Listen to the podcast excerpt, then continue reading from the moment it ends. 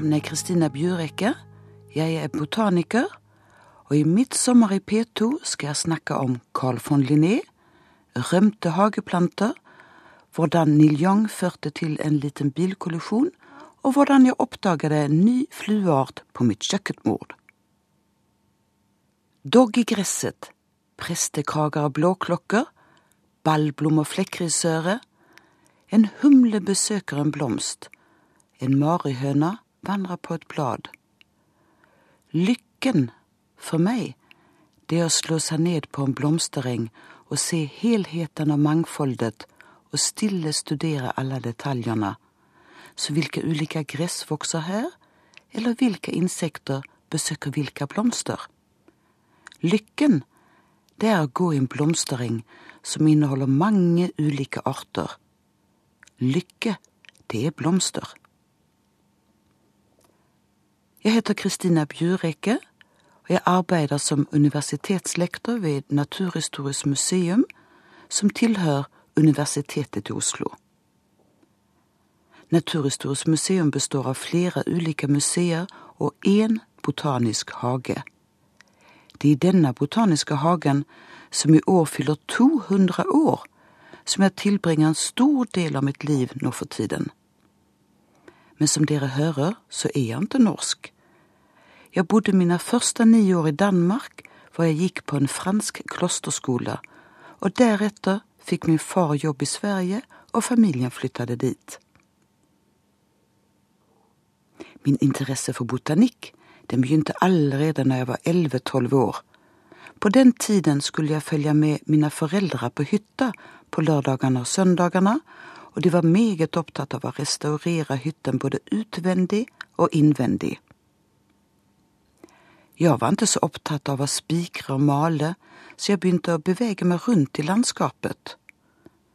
Hytten lå på Østerlen, det ligger på østkysten av Skåne, en av Sveriges aller vakreste plasser.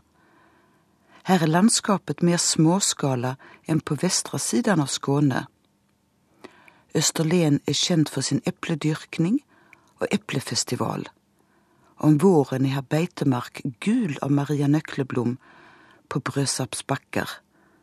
På forsommeren er det sandhed ved havet fylt med hvit sandlilje. Her er en rik og spennende flora. Jeg fikk en sykkel, og så kunne jeg komme meg lengre bort fra hytta. Til sandheder kilometerlange sandstrender ved haveng, og til stor bøkeskog. I begynnelsen så brukte jeg Ursings blomsterbok med bilder, Vi oppdaget snart at den ikke var nok, og kjøpte Krok Almqvist, Svenska Flora. Den bygger på samme prinsipp som vår Norsk flora av lid, at man nøkler seg fram ved å sammenligne karakterer på plantene. Den turen jeg syklet gjennom og lærte meg å elske som ung, og som jeg fortsatt elsker, er akkurat det området hvor Ulf Lundell kjøpte gård. Hva passer det bedre enn å starte opp med Jeg trivs best i øppna landskap? Sykkelturene på Østerlen og interessen for å slå opp blomster i bøker og lære meg navnene på dem, det la grunnen for en livslang interesse for botanikk og natur i sin helhet. En interesse som kommer innenfra sjel og hjerte, og ikke noe som en forelder eller kamerat sier er spennende, dette er noe du bør drive på med, det holder nok lengst det var ikke noen av mine nærmeste venner som var like entusiastiske for å se på planter og insekter. Men jeg gikk med i en ungdomsorganisasjon som heter Feltbiologene, og der fant jeg sjelsfrender. I mange år ble det moseweekender, fugleskikking ved Falsterbo, leiervirksomhet hvor vi ryddet kratt i gjengroende kulturlandskap, og miljøengasjement. Fortsatt i dag er flere av disse gamle feltbiologene de som står meg nærmest. Vi bygget opp en felles plattform av naturengasjement. Jeg var så heldig å få en meget entusiastisk og pedagogisk biologilærere når jeg gikk på videregående skole. Jeg husker godt den dagen i dag når han skulle lære ut hvordan de peristaltiske bevegelsene i matstrupen fungerer. Læreren ønsket at vi skulle skjønne og huske hvordan bevegelsene presser mat og drikke ned mot magesekken. Han fylte et glass med vann, satt i et sugerør og sto på hendene langs veggen. En elev fikk plassere vannglasset ved hodet og stoppa sugerøret inn i lærerens munn. Så drakk han opp alt vannet, og ikke noe rant tilbake ut gjennom munnen. Alle i min klasse lærte seg hvordan de peristaltiske bevegelsene fungerer. Gode lærere kan bety veldig mye for veivalget for ungdom. Når jeg noen år seinere selv studerte biologi, så ønsker jeg å ta kontakt med denne læreren for å si takk. Til min store sorg så oppdaga jeg at det var for seint. Han hadde blitt påkjørt av en moped og dødd en morgen når han sykla til skolen for å jobbe. Dette har bitet seg fast i meg, at jeg aldri rakk å si takk til ham. At vi alltid skal tenke på å si takk til folk i tide. Jeg fikk aldri gjort det til den person som kanskje har betydd mest for mitt valg av studier, og derved også for arbeid og liv. Jeg kan kanskje milde den dårlige samvittigheten som jeg nå har, her på lufta, og så kan jeg framføre en takk til alle entusiastiske lærere i biologi så vel som i alle andre fag.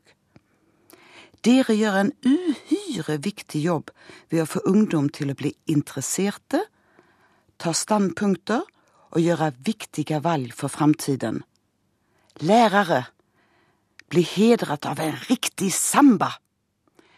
Vi har nå hørt Marisa Monte synge Universo au meu redor. Jeg heter Kristina Bjørekke jeg jobber som universitetslektor ved Naturhistorisk museum i Oslo. Jeg er botaniker, og når jeg blir interessert av botanikk, så blir det naturlig og praktisk å lære det vitenskapelige navnet på plantene. Jeg hadde samlet til eksempel engkarse og presset den. Så skrev jeg en liten etikette med voksested og dato og det vitenskapelige navnet Cardamine pratensis på etiketten og monterte det på herbariearket. Noe seinere så fant jeg en plante som lignet veldig, og kunne gå direkte inn i nøkkelen i floraen på slekta cardamine og finne ut at dette var bekkekarse, cardamine amara. I bestemmelsenøkkelen sto det at man skulle sjekke fargen på pollenknappene. Er de gule, så går man videre til engkarse. Er de fiolette, så går man videre til bekkekarse. Vi i botanikkmiljøet kaller dette å nøkle en plante når vi går i tabeller hvor man skal sjekke karakterer. Det er en bedre metode enn å kun se på fargebilder. Å plassere inn arter i slekter og familier kaller vi innen biologien for å systematisere. Carl Linnaeus, seinere adlet til Carl von Linné, han har gått til historien som systematikkens far. Han fremla det vi kaller binominalsystemet, det er også kjent som tonavnesystemet. Hver art fikk et slektsnavn og et artsnavn. Tidligere så ble arter beskrevet med lange latinske ramser, og de kunne være ulike ulike land. Linné han innførte et system hvor alle levende organismer, det kunne være dyr, det kunne være planter, fikk et vitenskapelig dobbeltnavn. Et av de mest kjente, som man lærer seg til og med i barnehagen, det er tussilago farfara, altså hestehov. Linnés ånd svever nok fortsatt i dag mer over Sverige enn over Norge. Se på de svenske hundrekronersedlene. Der er Linnés ansikt. Uppsala med Linnétregården og Linnés Hammarby er store turistattraksjoner. Når jeg etter biologistudier ved Lunds universitet og lærerhøgskole fikk jobb som naturreiseledere på temareiser, så la jeg merke til forskjellen mellom svensker og nordmenn. Det er alltid farlig å generalisere, men overlag så gikk svenskene langsommere, de så mer på planter og fugler, og de spurte mer om navn og om økologi. Ved samlingene vi hadde om kvelden, etter dagens streiftog i naturen, så noterte svenskene navn på planter, mens nordmennene spurte hvor høyt opp har vi vært i dag, og hvor langt har vi gått i dag. Mange år efter sin død så hviler nok Carl von Linnés ånd over mange av oss, men kanskje som sagt over flere svensker og nordmenn. Mange år med temareiser førte meg til eseltrekk på Kypros, lavendelfelt i Provence, levadaturer på Madeira, vulkaner på Azorene og Sicilia og unike dyr på Galapagosøyene. Reisene heter temareiser til natur og kultur, og det ble både kunst, arkitektur, håndverk og musikk med på turene. En kveldskonsert på det vakre Alhambra i Granada sitter igjen hele livet. Det er Concierto de Aranjuez, komponert av Joaquin Rodrigo. Som mange andre blomsterelskere så håper jeg vel nok på å oppdage en ny plante en gang. Ny for vitenskapen. Det hører til god etikk å ikke oppkalle en plante etter seg selv, men man kan oppkalle det efter sin mentor, noe som er karakteristisk akkurat for den arten, eller etter vokseplassen. Her i Norge har hatt Reidar Elven, konservator ved Botanisk museum og forfatter av de siste to Leeds Flora, som veileder. Kanskje Elvinia kunne vært et passende navn på en liten art jeg oppdager en vakker dag. Å oppdage en ny art skjer oftest ved en ren tilfeldighet. Ved en slik tilfeldighet har jeg i hvert fall oppdaget én ny art i Norge en flue. Når jeg tok hovedfag nummer to i mitt liv, ved Botanisk museum i Oslo, så jeg på pollinering og reproduksjon i store, middels og små bestand med solblom. Solblom er en plante i kurvplantefamilien. Den ser ut som en gul prestekrage. På den tiden var mine barn små, og jeg henta dem tidlig til barnehagen og fritidsordningen.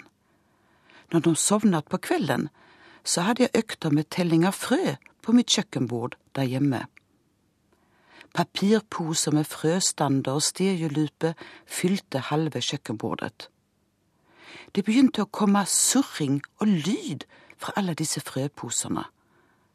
Det begynte etter hvert å fly rundt små fluer med flekker på vingene på kjøkkenet hjemme. Jeg så også puparier i blomsterbunnen på flere solblom. Det som ute i naturen kunne se ut som tørkeskadede blomster, det var i stedet kraftig insektangrepne solblomskurver. Jeg prøvde å finne ut hvilken flue det var, og jeg kom til at det var en tefritis, en båndflue, men sen klarte jeg ikke mer. Med et glassrør fullt av fluer vandret jeg en dag over til Zoologisk museum, hvor jeg lykkeligvis fant en pasjonert entomolog som hjalp meg videre. Denne art av flue var ikke påvist i Norge, så jeg ble henvist videre. Denne solblombåndfluen, den lever av og i solblommens kurver. Hunnene av solblomsbåndflue legger egg mellom blomsterknuppene i kurven. Når larvene klekker, så spiser de seg gjennom fruktanleggene i kurven og ødelegger disse. Historien slutter ikke med den, men på fluen og dess larver lever parasittveps, artsspesifikke, kun for denne fluen. Larvene til en parasittveps som heter solblommalmveps, utvikler seg inni larvene hos solblombåndfluen. Noe som ikke er så heldig for solblombåndfluen, men det er desto bedre for solblom. En annen art som utelukkende lever på solblom, en liten sommerfugl, solblomengmøll. Larvene av denne sommerfuglen lever beskyttet inne i bladene til solblom. Solblomengemøll er helt avhengig av vertsplanten og er funnet på rundt ti plasser i Sør-Norge. Tenk så mye spennende det fins på blomsterenger. Kryp ned på alle fire og se på de små detaljene. Entomologen, som jeg lærte kjenne på Zoologisk museum, og jeg, vi har nå jobbet flere år til sammen. Og den siste tiden har vi jobbet med registrering av solblom og alle insekter knyttet til planten. En art har kommet til på listen. Solblom-minerfluen. Blir én plante mer sjelden og forsvinner fra vår natur, så kan det medføre at flere insekter også forsvinner. Dette gjelder spesielt insekter som spiser og lever kun på eller av én en eneste planteart. Dette munner ut i at vi må ta vare på alt levende i naturen, og hva kan passe bedre da enn å spille Evert Taubes Englamark? Interessen for solblom medførte at jeg ble meget opptatt av det tradisjonelt skjøttete kulturlandskapet. Solblom og mange andre plantearter vokser gjerne på ugjødsla slåttemark og sparsomt beita naturbeitemark og beiteskog. Når traktoren og kunstgjødsel gjorde sin innmarsj i jordbruket på 1950-tallet, så begynte det artsmangfold som under lang tid blitt begunstiget av slått og beite, å bli alt mer sjeldent. Det fins et gammelt ordtak som sier ljåen er lik for alle, og ved slått så kappes all vegetasjon, gress og prestekrage, nesler og soleie på samme høyde. Konkurransesvake arter begunstiges av dette, har gode muligheter å etablere seg og overleve. Mange planter i slåttemark, som flekkrisøre, dunkjempe, solblom og griseblad, de har en bladrosett nær bakken, og der sitter mye av biomassen. Ved slåtten kappes konkurrerende gress og urter og kratt ned til lik høyde. Dette gjør at arter som er konkurransesvake, får en bedre sjanse å klare seg. Mange slåttemarker er svært artsrike. Med det store mangfoldet av ulike planter så følger også et stort mangfold av insekter. Flere sommerfuglarter, humler og bier er helt avhengige av de gamle blomsterengene. I dag er mesteparten av våre slåttemarker kunstgjødsla og tilsådd med gress. Beregninger sier at kun 1 av det arealet som var ugjødsla natureng, som ble slått før 1950, finnes igjen i dag. Nå har mange fått opp øynene for dette, og folk har lurt. Hvor tok de gamle blomsterengene veien? Prestekrage og blåklokkengene som vi syklade forbi som barn. Miljødirektoratet har klasset ugjødsla slåttemark som prioritert naturtype, og grunneiere som fortsatt har ugjødslede enger med truete arter, enger som ikke er tilsådd med gress eller bakkeplanert, de kan få en skjøtselplan og økonomisk støtte for å skjøtte dem på riktig måte. Jeg vil dedisere neste sang, Ut i vår hage, til alle de som tar vare på og skjøtter det tradisjonelle kulturlandskapet slik at biologisk mangfold ikke går tapt til de som holder det tradisjonelt skjøttede landskapet åpent og artsrikt. La oss beholde de slåttenger og blomsterenger som finnes i dag, og la det gjerne bli flere. Jeg heter Kristine Bjurekke, jeg er botaniker, og jeg er så utrolig heldig at jeg får jobbe med planter på Naturhistorisk museum i Oslo. Jeg kan få lov å undervise om pollinering på forsommeren, om frøspredning om høsten, og demonstrere tradisjonell linberedning på sensommeren. Når det ikke finnes så mye planter å vise fram ute vinterstid, så kan jeg undervise om planter og deres tilpasninger fra hele verden i våre veksthus. Overføring av pollen fra pollenbærere til arr på griflen er meget morsomt å diskutere med både skoleelever og voksne. Det handler ikke bare om blomster og byer. Det er mange plantearter som sprer sitt pollen med vind. Å høre en skoleelev juble når hun for første gangen ser i lupe på lange, utstikkende pollenbærere og klebrige arr, og hun skjønner hva som skjer, og hvorfor mange blir allergiske mot pollen, det er en deilig følelse. Selv så jubla jeg høyt når jeg i pinsen var ute med hunden på en sein kveldstur, nesten nattetur, og så nikkesmellet lyse hvitt i mørket. Nikkesmellet vokser blant ute på øyene i Indre Oslofjord og spredt på Øst- og Sørlandet. Det er en plante i nellikfamilien med hvite blomster i nikkende topp. På dagen så kan blomstene se ganske så skrukkete og uansenlige ut, men på natten så åpner de seg og tiltrekker nattens insekter. Når jeg så dem nå i pinsen, så sto tussmørkersvermerne helt stille i luften foran blomstene, og blomstene hadde på natten åpna seg skikkelig, og de var mye penere på dagen. Disse insektene drakk nektar, og de bidro til pollinering samtidig. En musiker som har fulgt meg helt fra studietiden i Lund i Sverige til livet blant norske blomster, det er Neil Young. Vi var flere biologistudiekamerater som bestemte oss for å kjøre opp til Göteborg og oppleve Neil Young på Ullevi for mange, mange år siden. Musikken av han sto på høyt volym når vi kjørte i bilen. På den tiden så var ikke motorveien bygget gjennom Halland, så vi kjørte gjennom byene, og det var mange trafikklys. Sjåføren av bilen han var giret opp av Neil Young-musikken og tråkket på litt vel raskt ved et lyskryss. Akkurat da så spilte vi Mai Mai, Hei Hei for full guffe, og det hørte bileieren vi kjørte inn i støtfangeren bakpå når vi åpnet bildøren for å sjekke hva som hadde skjedd. Til vår store overraskelse så ble han ikke sint og ikke sur, som vel de fleste har blitt når en bil har kjørt inn i dem bakifra.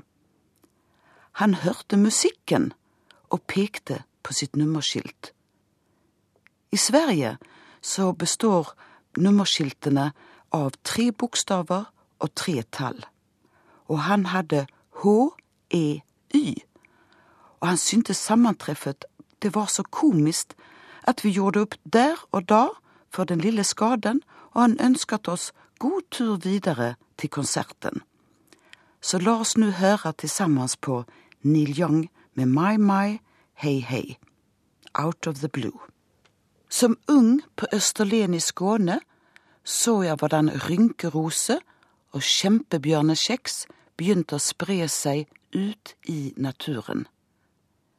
Begge arter fra land langt vekk som vi mennesker bevisst har plantet inn i Skandinavia.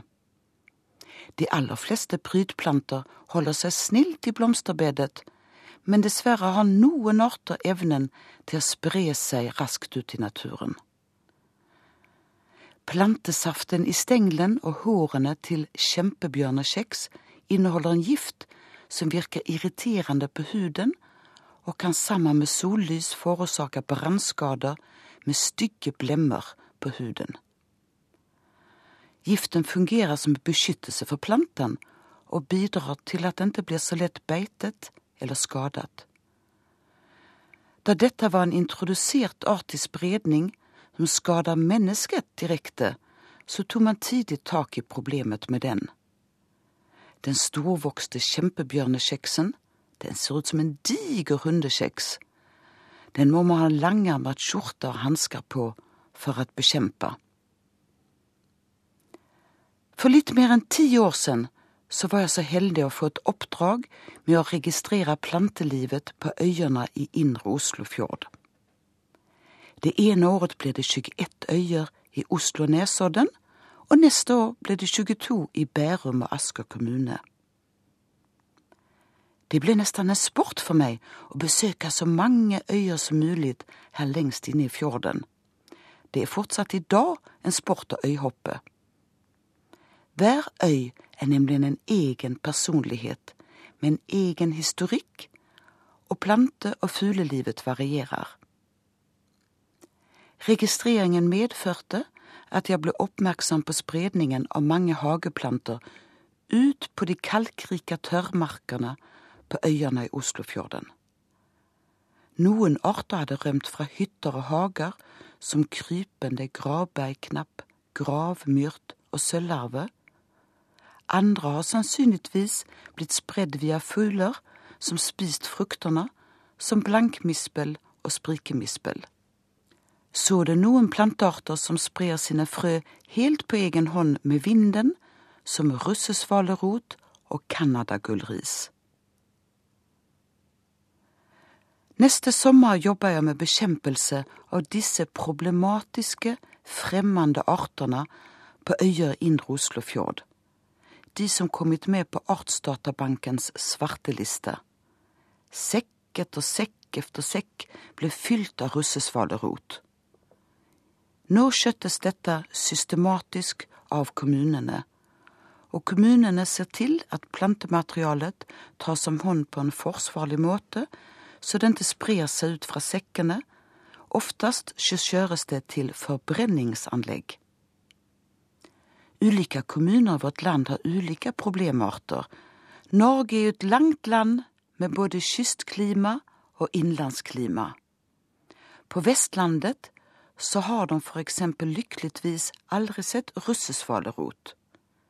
Her på Østlandet oppfatter vi ikke skogskjegg som en hageplante i spredning, hvilket mange rapporterer fra Vestlandet. Plantearter som sprer seg og blir problematiske, de kommer ofte fra land på samme breddegrader som oss. Canadagullris fra Canada, parkslirekne fra Japan. Det er ikke palmer og tropiske arter som blir problematiske. De dukker under første vinter i vårt klima. Kjennskapen til at introduserte arter kan spre seg uhemmet ut i naturen, har begynt å sige inn i folks bevissthet. Mange hagelag har blitt engasjert. Norsk Botanisk Forening er aktive for å spre kunnskap og for å registrere disse introduserte artene. Alle må vi gå sammen og informere om hvilke planter som er de verste til å spre seg, og hvordan bekjempelsen skal utføres. Å grave opp parkslirekne og hive den ut i naturen utenfor gjerdet, det er den dårligste metoden. Det er nok med et lite stengel eller rotfragment, så slår den rot og sprer seg å bruke naturen som kompostplass har medvirket til spredning av mange av disse problematiske hagerømlingene. Hageavfall med såkalte svartelistarter må tas om hånd på en forsvarlig måte. De skjønne dalene på Østerlien, som jeg fortalte om i begynnelsen av programmet, de er nå nesten helt rensket for kjempebjørnekjeks. Det var den arten man først fikk opp øynene for, eftersom den kan gi skader på menneskets hud. Tankene igjen på denne plassen, Østerlen i Skåne, føre meg inn på Østerlenvisan, Gi meg en dag av Ole Adolfsson. Den er en hyllest til samme vakre landskap som Ulf Lundell sang om i Øpna landskap. Blomster finnes over hele verden.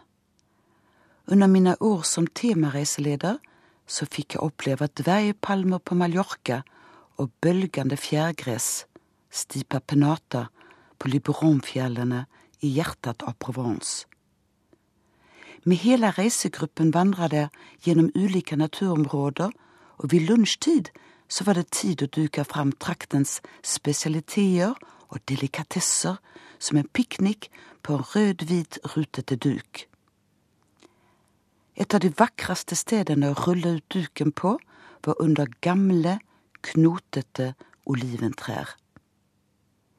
Botanikk det er ikke bare å sette navn på planter, det er også å skjønne hvordan de ulike plantedelene fungerer, og hvilke frukter og frø plantene får. Når pikniken skulle presenteres for reisefølget, var det moro å diskutere at botanisk sett er tomat og agurk bær, mandler og aprikos steinfrukter. Vanskeligst ble det på Azorene, hvor de dyrka nydelig ananas. Jeg lurer på om alle fikk med seg min lange beskrivelse av fruktstansfruktens oppbygning før de satte tennene i det saftige fruktkjøttet. Frukten består av vev fra flere tettstilte blomster i en blomsterstand. Blomsterstandsaksen og blomsterdekket inngår ofte i tillegg. Men det som alle husker som spist nyhøstet ananas på Azorene, er den søte og gode smaken den har. Der ute på øyene i Atlanteren tar det lang tid for den å modne, og smaken blir derfor rik. Nå mot slutet av sommeren så har de fleste plantene på blomsterengene blomstret av. Da begynner neste fase, innsamling av frø. I år var det så tørt og varmt på forsommeren at frøhøstningen startet allerede i juni. Jeg er nå opptatt med å samle frø til å komplettere en nyanlagt slåttemark inne i Botanisk hage, og målet er å vise fram 100 norske engplanter. Skal også samle frø til vår nye avdeling Skandinavisk rygg, med fjellplanter, og til den norske frøbanken, den har sitt hjem i fryseboks på Naturhistorisk museum. Så selv om plantene snart ikke blomstrer mer på engene, så er det like spennende å vandre ut og studere detaljer og studere mangfold og nyte. Nå mot slutten av sommeren så blir det ikke detaljene på kronbladene, men variasjonen av frø og frukttyper. Naturen har noe nytt å tilby hver måned. Jeg vil gjerne avslutte dette programmet med den første sang jeg lærte meg på fransk, Tous les garçons et les filles de monage. Oversetter vi det, så blir det omtrent alle gutter og jenter i min alder.